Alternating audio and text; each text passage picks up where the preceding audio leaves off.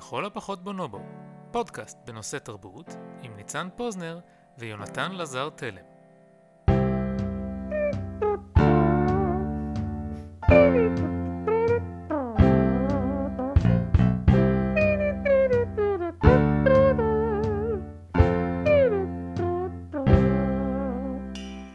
ביקורת סרט, וונדר וומן. מה עם מצעד? טוב, תודה יונתן, מה שלומך? מעולה. מה עשית השבוע? אה, הלכתי עם אשתי לראות את הסרט אשת חיל. וונדר וומן. כן, אני מתכוון לוונדר וומן. גם אני צפיתי בסרט. אה, אהבת אותו? אני אהבתי, אתה אהבת? תראה, אני לא חובב גדול של הז'אנר אה, של סופר גיבורים, אבל באופן יחסי לז'אנר הוא היה נסבל. אה, בסך הכל אני חושב שהמהומה סביבו הייתה מוצדקת, אני מבין שבאופן יחסי לסרטים של DC הוא נחשב לטוב. כן, בוא לא ננסה אפילו להשוות אותו ל masterpieces שיוצאים מהאולפנים שמטפלים במרוויל. אה, כן, ה masterpieces הגדולים. כן, זה נכון, אבל לא, אני בגדול חושב שהז'אנר של ה superheroes, אני, אני מצטער אם אני פוגע פה במישהו, הוא, הוא די מטופש וילדותי בעיניי, רוב הסיפורים מאוד בנאליים, סיפורי origin די כאלה, ואז הבנתי שאני צריך להילחם בעד הצדק והרבצתי לרעים. כן, כי אם, אם זה היה תלוי בי והיה לי כוחות אז הייתי מנצל אותם בשביל לשדוד בנקים וכולי, אבל אה, אז אתה היית, אתה היית יכול להיות הווילן של, שלנו. כן. אני כאילו, כן. אוקיי, איזה וילן היית? אה, הכי טוב. הווילן הכי טוב. כן. תשמע, אה, הייתי רוצה להגיד שזה לא היה מוכר, מצד שני אנחנו חיים בעולם שבו הסופר הירו הכי מפורסם זה סופרמן, שהוא בן אדם, לא בן אדם אפילו, הוא סוג של דמוי אל, שהמאפיין המרכזי שלו זה שהוא הכי טוב. כן, כן. והאויב הגדול שלו ביותר הוא אה. לקס לוטור, כן, איש זה- עסקים. האויב הכי גדול שלו זה הקפיטליזם. כן. אמ, אז ראית את הסרט? כן. נהנית מהסרט? אה, אה, באופן יחסי, אשתי מאוד אהבה. אה, אומרים על הסרט הזה שהוא פמיניסטי? נראה לי. אתה הרגשת ככה? יש שם אישה שמרביצה לגברים. זה נכון. טוב, אנחנו נתייחס לזה באריכות בהמשך. אה, צריך להגיד, הפ- הפרק היום זה פרק מיוחד במובן שאין לנו תמה, אנחנו פה התכנסנו כאן כדי להעביר אה, ביקורת על הסרט. אנחנו, אה, החלק הראשון יהיה בלי ספוילרים, ואז אה, לאט לאט נגביר, וכאשר זה יגיע לשלב שבו צריך להזהיר ממש למי שעוד לא ראה ורוצה לצפות, אז אנחנו נגיד, אה, תחזרו אלינו עוד, עוד שעתיים אחרי שתסיימו את הסרט. כן. אה, אז נתחיל.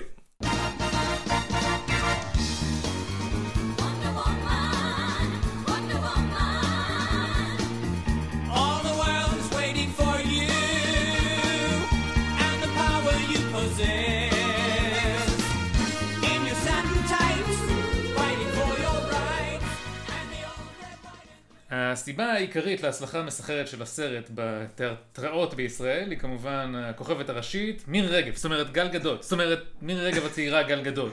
וה, אה, ש- זאת אומרת, ממש הגיבורה הראשית הישראלית הראשונה בסרט קולנוע. מה חשבת על הביצוע, יונתן? אה, תראו, ראיתי שיש הרבה אה, תלונות על גלגטות, אומרים שהיא לא משחקת טוב, אה, אומרים שיש לה מבטא יותר מדי כבד. אני באופן אישי חושב שהיא הייתה מאוד חיננית. אוקיי, נכון, היא לא בדיוק שחקנית השנה, אבל בואו נדבר דוגרי, זה, זה כאילו סרט קומיקס, בסדר? ובאיזשהו מובן, המבטא הישראליתי הכבד שלה הוא מתאים לדמות של אמזונה. המזון הזרה, כן. היא לא כן. יכולה לדבר אנגלית כמו הגרמנים או משהו כזה. היא עוברת בתור איזה אה, יווניה שכזו, אני חושב, אה, וגם לא ברור אם המשחק הנאיבי שלה זה תוצר של חוסר כישרון, או אולי בימוי מכוון, בכל זאת היא מוצגת בסרט בתור ילדה אינפנטילית שמגלה את עולם בני האנוש, שיש לציין, הגברים, עולם הגברים. כן, כן. אני גם רוצה להגיד לגבי המבטא שלה, שקראתי עם מישהו באינטרנט שאומר שגל גדות בוונדר וומן אה, עשתה רסקסואליזצ- רסקסואליזציה למבטא הישראלי.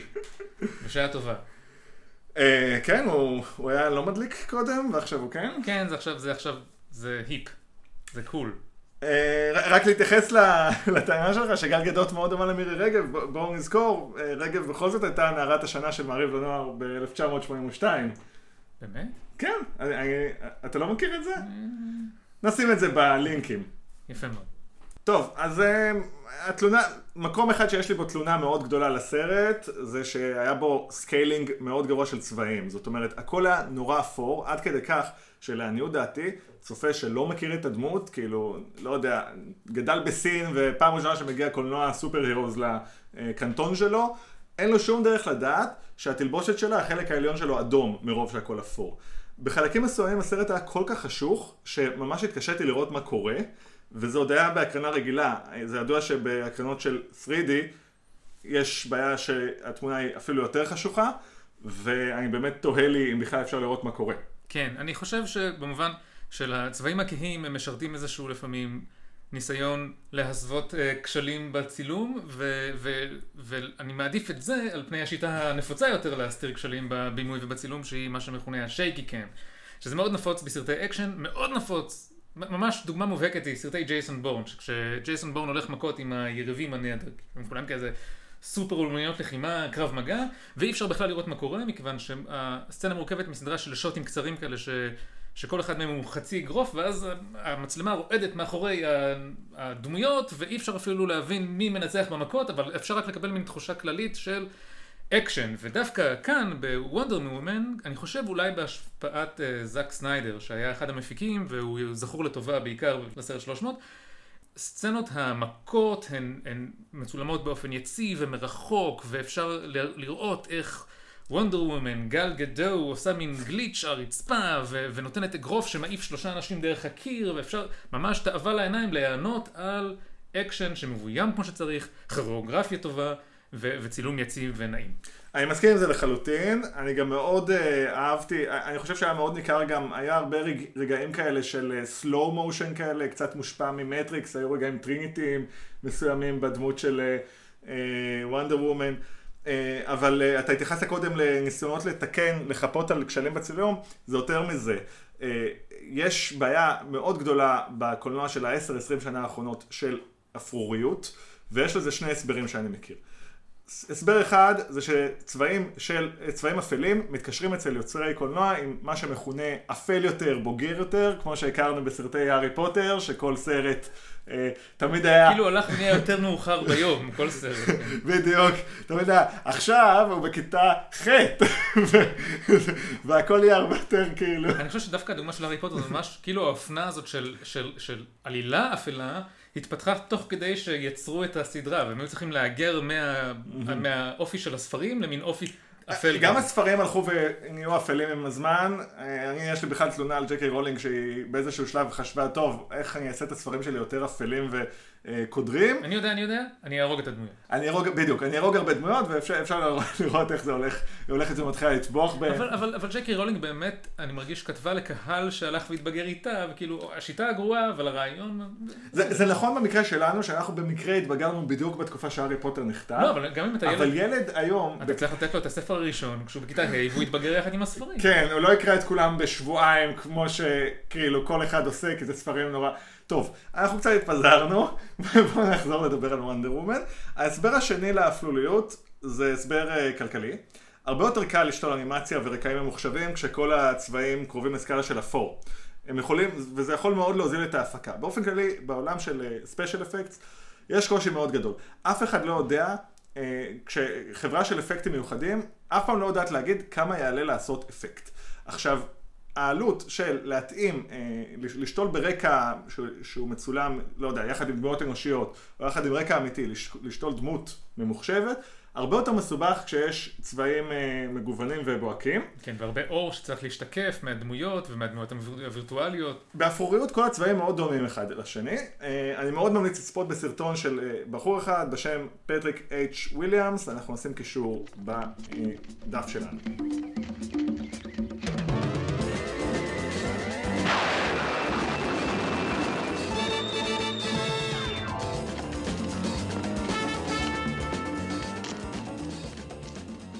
הסרט, וונדר וומן, אשת חיל, מתרחש על רקע מלחמת העולם הראשונה, כשהטובים הם אנחנו והרעים הם הגרמנים. אנחנו, סליחה. כן, כן. זה אנחנו? אנחנו, הגרמ... תמיד כשיש גרמנים, אז אנחנו היהודים הטובים. אה, אוקיי.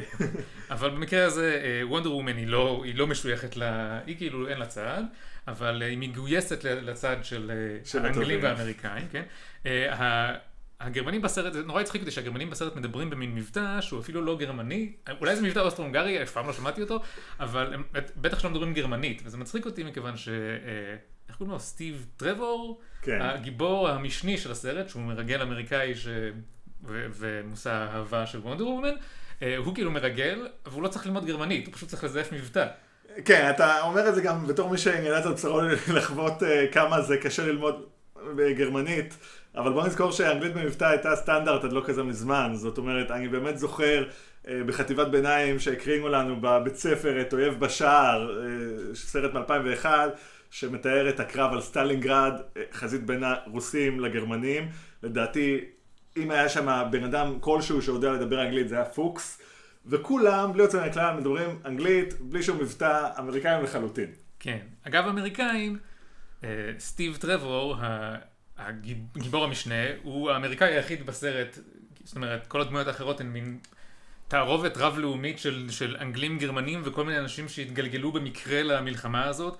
אה, ממש ראוי לציון, צ'יף. איזשהו חבר אינדיאני של, אה. הוא אינדיאני מאמריקה, זאת אומרת, של סטיב טרוור, שמוצא את עצמו במלחמה. הוא- בשוויץ, משהו כן, כזה. אני חושב בבלגיה, והוא, לכאורה, הוא, הוא, הוא מצהיר על עצמו שאין לו צד במלחמה, אבל הוא כמובן נלחם נגד הגרמנים. אבל, ו, ומצטרפים אליהם איזה חבר טורקי נדמה לי, ולוחם סקוטי הלום קרב, אה, משהו, מין רב-לאומיות, שלא ברור לי מה הערך שלה. זהו, אני, אני באמת גם לא הצלחתי להבין למה הם עשו את אותו צ'יף. למה הם עשו אותו אינדיאן, כאילו, יש לך צוענים, יש לך את האינדיאנים של אירופה, למה אתה צריך להביא אינדיאנים מארצות, מאמריקה? כן, אני, אולי זה מבוסס על סיפור אמיתי. אני בטוח.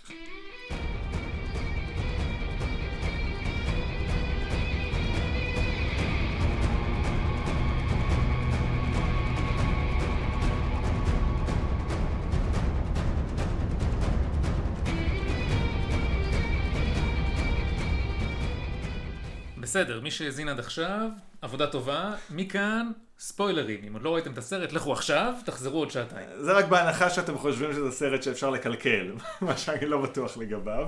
אוקיי, ה- אני חושב, אולי, אני אתחיל, אני אקדים ואומר, שבשנים האחרונות פיתחתי איזושהי בעיה עם סרטי פעולה, באופן כללי, שהם נוטים להציג הרבה מאוד אלימות. אה, ובדרך כלל היחס לאלימות בסרט הוא כזה ש... הוא מבלבל. כן, ו- ואני חושב שכאן זה היה ממש מובהק בעיניי, זאת אומרת, הדיאנה, הנסיכה דיאנה שהיא וונדר וומן, היא גדלה על אי האמזונות, והיא עוזבת את האי משתי סיבות, אחד כמובן זה הגורל שלה לעזוב את האי, אבל בעיקר מגיע אל האי סטיבן טרוור ומספר לה על זוועות המלחמה, והיא... מלחמת העולם הראשונה. מלחמת העולם הראשונה, אחת מהמלחמות הזוועתיות, כן, אמנם לא הייתה שם השמדה שיטתית של העם היהודי, אבל מיליוני הרוגים במין מלחמה מיותרת וזוועתית, וגז חרדל, וכל מיני פצועים והרוגים שהמניין שלהם הוא כמעט אינסופי, ו-. ב- בגדול מטחנת בשר חסרת מעצורים, שכל הצדדים אה, לוקחים בה חלק. כן, מי שיש לו 32 שעות פנויות יכול אה, להאזין לפודקאסט Hardcore History שהקדיש... אה, דן קרלין, כן, ב-2014, לרגל 100 שנה למלח... לפרוץ המלחמה, האזנתי לזה כשטיילנו ביחד בגיאורגיה, ובוא נאמר, זה לא, לא היה תענוג גדול, זה, זה די מחריד. אה, אפילו, יש התייחסות קצרה לסוגיה הזאת בסרט, אחד הפוליטיקאים האנגלים אומר משהו כמו, החיילים שלנו, הם לא מבינים על מה הם נלחמים, ו- וזאת המציאות. הרבה מהריאקציה הפוליטית שהייתה בין המלחמה, מלחמת העולם הראשונה לשנייה, הייתה אה, כתוצאה מה, מההשמדה ההמונית של חיילים צעירים בלי שום סיבה. זאת מלחמה שבניגוד לנרטיב, היום אנחנו יודעים שהגרמנים הם הרעים, כן. היום אנחנו יודעים שהם יהפכו להיות נאצים, אבל במלחמת העולם הראשונה, באמת לא היה כזה ברור מי הטובים ומי הרעים. כאילו, כולם השתמשו בכל האמצעים, בלי יותר מדי אה, כבוד לזכויות אדם, לדברים כאלה, כן. עכשיו, סטיב טר- טרוור הוא, אולי לזכותו צריך להגיד שאולי בגלל שהוא מרגל, הוא לא לחלוטין, המטרה שלו היא לא להשמיד את הגרמנים או משהו כזה. זאת אומרת, המטרה של סטיב טרוור היא להפסיק את המלחמה. ו- והוא מצליח לגייס את וונדר וומן בעזרת התיאור של הזוועות, וגם היא, לכאורה, אין לה צד. זאת אומרת, היא דבר ראשון יוצאת מהאי לאירופה, המטרה שלה היא פשוט, טוב, ספוילר גדול, כן, המטרה שלה היא למצוא את ארס אל המלחמה ולהרוג אותו ולעצור את המלחמה. עכשיו, היחס שלה לאלימות הוא סופר שלילי, למרות שהיא כזאת לוחמת, היא הדבר היא, היא מזועזעת לעומקי נשמתה מאלימות, ועם זאת, מה היא עושה בסרט? מה המטרה שלה? המטרה המוצהרת שלה לאורך כל הסרט? כן, להרוג את ארס ולעצור את המלחמה. כן, בדיוק. אבל, אבל איך היא עושה את זה? היא הורגת גרמנים. פחות מאחרים, גם, זאת אומרת, יש מין, אבל, אבל זה מה שהיא עושה, והאלימות, זאת אומרת, יש לך, למשל, יש סצנה שבה יש מין מחווה לפצועים אנגלים. רואים פצועים אנגלים חוזרים למלחמה, והיא מאוד... הם אה, משכנעים אותנו שהאנגלים יש בהם אלמנטים אנושיים. כן, אבל, אבל כלפי הגרמנים, כמעט בסרט אין שום רגע כזה של מחוות רחמים לגבי הסבל שנגרם להם במלחמה. הם, הם הרעים, הם אונסים את הנשים והילדים בבלגיה, וגם הם פשוט מין גרמנים רעים כאלה. כן, בעצם, מי בעצם הגרמנים? יש את לך את ה... איך קוראים לו? לינדורף? משהו כזה? לינדנדורף. דמות היסטורית אמיתית, אני מבין.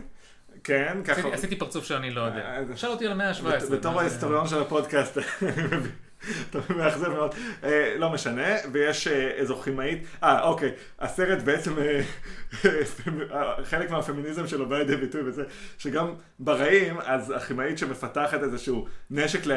להשמדה גרעינית, להשמדה, המונית, אה, שהוא טוב ומשוחרר יותר מכל דבר אחר שראינו במלחמה, היא אישה, כן, אבל לא יפה כמו מירי רגב וגל גדול. כן, אה, אפילו יש לה מסכה כזאת, כי היא נפגעה כנראה מה... איכשהו עושה זה את נחמד, היופי. טיפת סאבטקסט יש בסרט הזה. לא, לא מספרים לנו איך הפנים שלה נהרסו, כן. אבל אנחנו יכולים לשער. אה, אה, וגם יש איזשהו שלב שבו יש מעין גאלה כזאת שכל הנאצים, סליחה, לא הנאצים, הגברת, ישבה לידי בקולנוע גברת אחת שהסבירה בקול רם מה אנחנו רואים, היא אמרה, כן, הנאצים האלה, ואני כזה, אני לא בטוח שהבנת מה התקופה. כן. הם לא- הם לא הם לא בדיוק אומרים, והם קוראים לזה מלחמה הגדולה, אני יכול להבין איך אפשר להתבלבל, ואולי לא לגמרי בטעות, כי זה נוח יותר לעשות איזושהי... שתהיה קונוטציה של נאציזם אצל הרעים. נכון, אז רואים אותם רוקדים כזאת במסיבה, כלומר העולם בוער, באשמתם כמובן, כי הם אלה שהיכולת, אם הם רק יואילו בטובם להיכנע. כן. בואו נזכור, הכניעה של גרמניה אה, לא הייתה כל כך אה, אירוע אה, הומני כלפי העם הגרמני, ו- וכמו שציינו, זה לא שבמלחמת העולם הראשונה הגרמנים היו פושעים יותר גרועים מכל אחד אחר ביבשת. אבל העלילה בסרט היא כזאת שהרעים באמת הם אלה שמנסים לחבל במאמצים של גרמניה להיכנע. זאת אומרת, הם איזה שני אנשים שיש להם מין רוע, יותר מרוע פוליטי סטנדרטי שיש בכל מקום. זה נכון. אז בכל אופן, אני חושב שמצד אחד יש את היחס האמביוולנטי הזה של וונדר וומן לאלימות. היא, הדמות שלה מבוססת על, אולי בקטע קצת נשי, כן, על... היא ממש לא אוהבת אלימות, מצד שני, מה שהיא עושה בחיים שלה זה ללכת מכות. כאילו. מצד, אבל לעומת זאת, הסרט מנסה לעסוק בשאלה הזאת, זאת אומרת, וונדר וומן התמימה מנסה לעצור את המלחמה, ובאיזשהו רגע של השיא של הסרט, היא בעצם מגלה, סטיב טרוור אומר לה, כולם רעים, כולם אלימים, ואולי במובן הזה גם, כאילו, גם את, הפתרון הוא אלימות. אה, ואז כאשר היא מצליחה ליישב את הסתירה, שגם היא לא עיוורת אלא לאורך הסרט, הסתירה הפנימית שיש בה בין האידיאל לבין המציאות, אז היא מצליחה להבין שמה ש... ש... שבעצם צריכה להגן על האנושות, האנושות אמנם אלימה, אה, רצחנית, אבל עדיין יש לה זכות להתקיים. וכן הלאה. אני רוצה להגיד שכפי שציינתי בתחילת הפרק, אני לא כל כך אוהב את הז'אנר של סופר גיבורים, ואחת מהסיבות אה, שאני חושב שגם אינפנטיליות זה חלק מרכזי בדמות גיבור הקומיקס, איזושהי תפיסה נאיבית של החיים, אה, חוסר מסוגלות להכיל מורכבות. אה, איזושהי אמונה בטוב אבסולוטי לעומת רע אבסולוטי, למרות שהרבה מאוד פעמים, אם בוחנים בעין קרה, כמו שניצן מנסה לעשות פה, את המעשים של כל אחד מהצדדים, לא כל כך ברור למה סופרמן הוא הטוב והרעים הם הרעים. שניהם משמידים אה, בניינים, כאילו. ועוד דבר שחשבתי עליו, זה כיוון שאנחנו יודעים שדיאנה בסביבה, לפחות מאז 1917 ועד 2017, אז, ו- וכיוון שהיא בעצם בסרט אה, שראינו עכשיו, בוחרת לתת לאנושות עוד צ'אנס, אני תוהה לעצמי איך היא תתמודד רגשית עם האכזבה מהמין האנושי, צפוי- שצפויה לה שצפויה איש... שניים וחצי עשורים אחר כך. כן, אולי אנחנו נראה את זה באשת חיל פרק ב'. אה, עוד דבר אחרון שרציתי להגיד, זה שבכל זאת לזכות הסרט, יש איזושהי תלונה על סרטי DC שאני בסך הכל מזדהה איתה, שהדמויות שמה, שלהם לא עוברות תהליך של התפתחות. הן מתחילות את הסרט ומסיימות אותו בערך באותו מקום, וגם במקרה של דיאנה אמנם היא. התחילה צודקת וצדקנית וסיימה צדקנית וצודקת, אבל היא כן עברה איזשהו תהליך התבגרות מסוים, וזה עוד דבר, ש... עוד מובן שבו הסרט הזה יותר טוב מאחרים. גם פה אני ממליץ לשמוע אה, את פטריק אייץ' וויליאמס, אה, יש לו ביקורת הרבה יותר מפורטת על הנושא הזה בהקשר של דמויות אחרות. Well, I have learned one thing. It's not polite to hit a lady.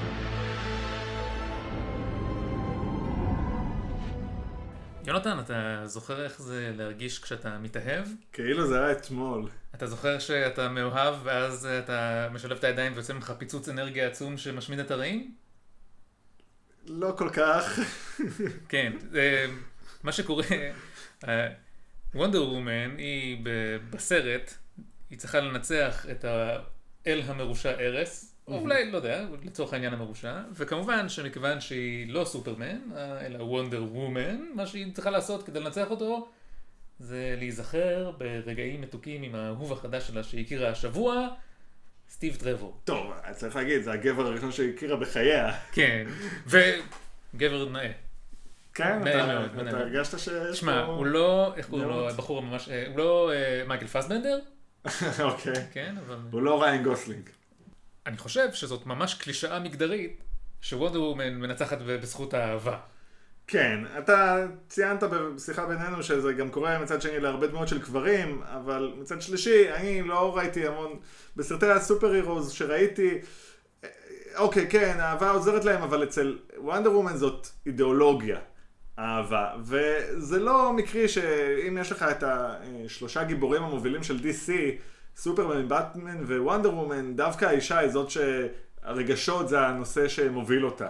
כן, ולא רק זה, אלא גם, זאת אומרת, מדובר באישה שגדלה ב, ב, עם נשים, במין חברה של נשים שהיא לא צריכה גברים, והיא יוצאת סוף סוף מה... מה כן, במקום שהיא קראה על, על גברים, אבל היא בחיים לא פגשה אף גבר, היא סוף סוף פוגשת גבר, ובמקום שהיא תהיה כזה... מין כזה לסבית אידיאולוגית, אידיאולוגית לוהטת, שלא צריכה, אני לא, אני לא צריכה אותך עכשיו בכלל. אני כל החיים, אני, את כל הדוגמאות שהיא מכירה זה נשים שהסתדרו בלעדיו, אז מה שאני היא מגלה... בעצם אפילו אין לה בראש אף דימוי לגבי אה, זה שנשים צריכות גברים בחיים, כי היא אף פעם לא נחשפה למערכת כזאת.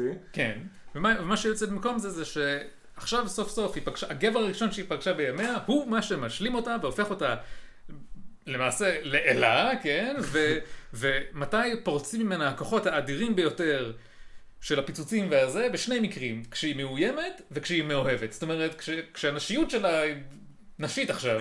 כן, זה- צריך להגיד, באותו נקודה, אולי בהיבט ההפוך, וונדר וומן, אה, כשהיא הומצאה, אז היא הייתה מאבדת את הכוחות שלה כאשר גברים היו קושרים אותה. שזה אולי דווקא משהו שמוחה כלפי השליטה. בוא נאמר, נאמר אין פה יותר מדי סאבטקסט כן. באופן שבו הדבר הזה מתוכנן. זה בעצם, וצריך להגיד גם שיש, אני ראיתי הרבה ויכוחים סביב שאלת הפמיניזם של הסרט, האם הוא פמיניסטי, האם הוא לא פמיניסטי. זה גם סרט שהוא היחיד בסוגה שבוים על ידי אישה. באופן כללי, בימוי עד היום זה מקצוע מאוד מאוד מאוד גברי. גם נדמה לי שהתסריט נכתב על ידי נשים, היו הקרנות מבחן שיועדו ספציפית לנשים. אה, הייתה על זה מחאה מצד גברים שהיו מזועזעים מזה שמדירים אותם על רקע מגדרי, כי זה פשוט לא נסבל שבשתיים מתוך 33 הקרנות אה, הם לא היו מוזמנים. אה, וגם הסרט, הוא, גם הדמות של וונדר וומן, היא נולדה ב-1941 בתור סמל פמיניסטי. היוצר שלה תכנן, רצה לבנות איזושהי דמות שתהווה מודל לחיקוי לבנות להשתחרר מהדיכוי.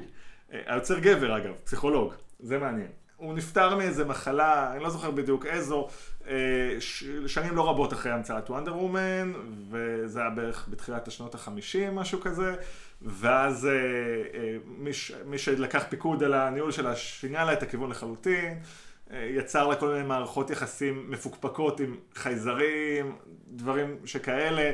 הפך אותה למאוד שמרנית, נתן לה להיענש כשהיא ניסתה לעשות דברים שפורצים גבולות. אה, ואחר כך בשנות ה-70 היה איזשהו חזר, תהליך חוזר. אני מאוד ממליץ לקרוא אה, את הקומיקס של דניב, אתר, מעין אתר שעושה כתבות בפורמט של איור קומיקס. אה, הוא מספר את הסיפור הזה בצורה מאוד מעניינת. טוב, לסיכום, כן, רק רציתי להעיר הערה נוספת. אני מאוד הרגשתי שהסיפור, בוודאי החלק הראשון שלו, כשוונדר וומן מגלה שיש עולם מחוץ לאי, וככה יש בה ויכוח עם אימא שלה, בשאלה אם היא צריכה... אני ממש הרגשתי שזה פשוט גנוב אחד לאחד ממואנה. עכשיו ספילרת את מוען. כן, אוי לא. טוב, אה, כאן סיימנו אה, את הפרק הניסיוני הזה של לכתוב ביקורת סרט. אה, נשמח לשמוע מה חשבתם, אם אתם מסכימים איתנו, אם יש לכם מה להוסיף. אנחנו בפרק הבא נתייחס להרבה תגובות שקיבלנו, ניתן השלמות לדברים שנפלו, אז תדעו שגם זה חלק מהפודקאסט. אני הייתי יונתן. אני ניצן, תודה רבה על ההאזנה. אפשר למצוא אותנו בפייסבוק, את ליסט בונובו, אפשר לשלוח לנו אימייל, את ליסט בונובו, שטרודל, ג'ימייל.קום, אה, או באתר פודבין, אם כי החיפוש לא בטוח עובד, הכי טוב בפייסבוק. בכל אפליקציה אה, של פודקאסטים שרק תחשבו עליה. יאללה, להתראות. ביי!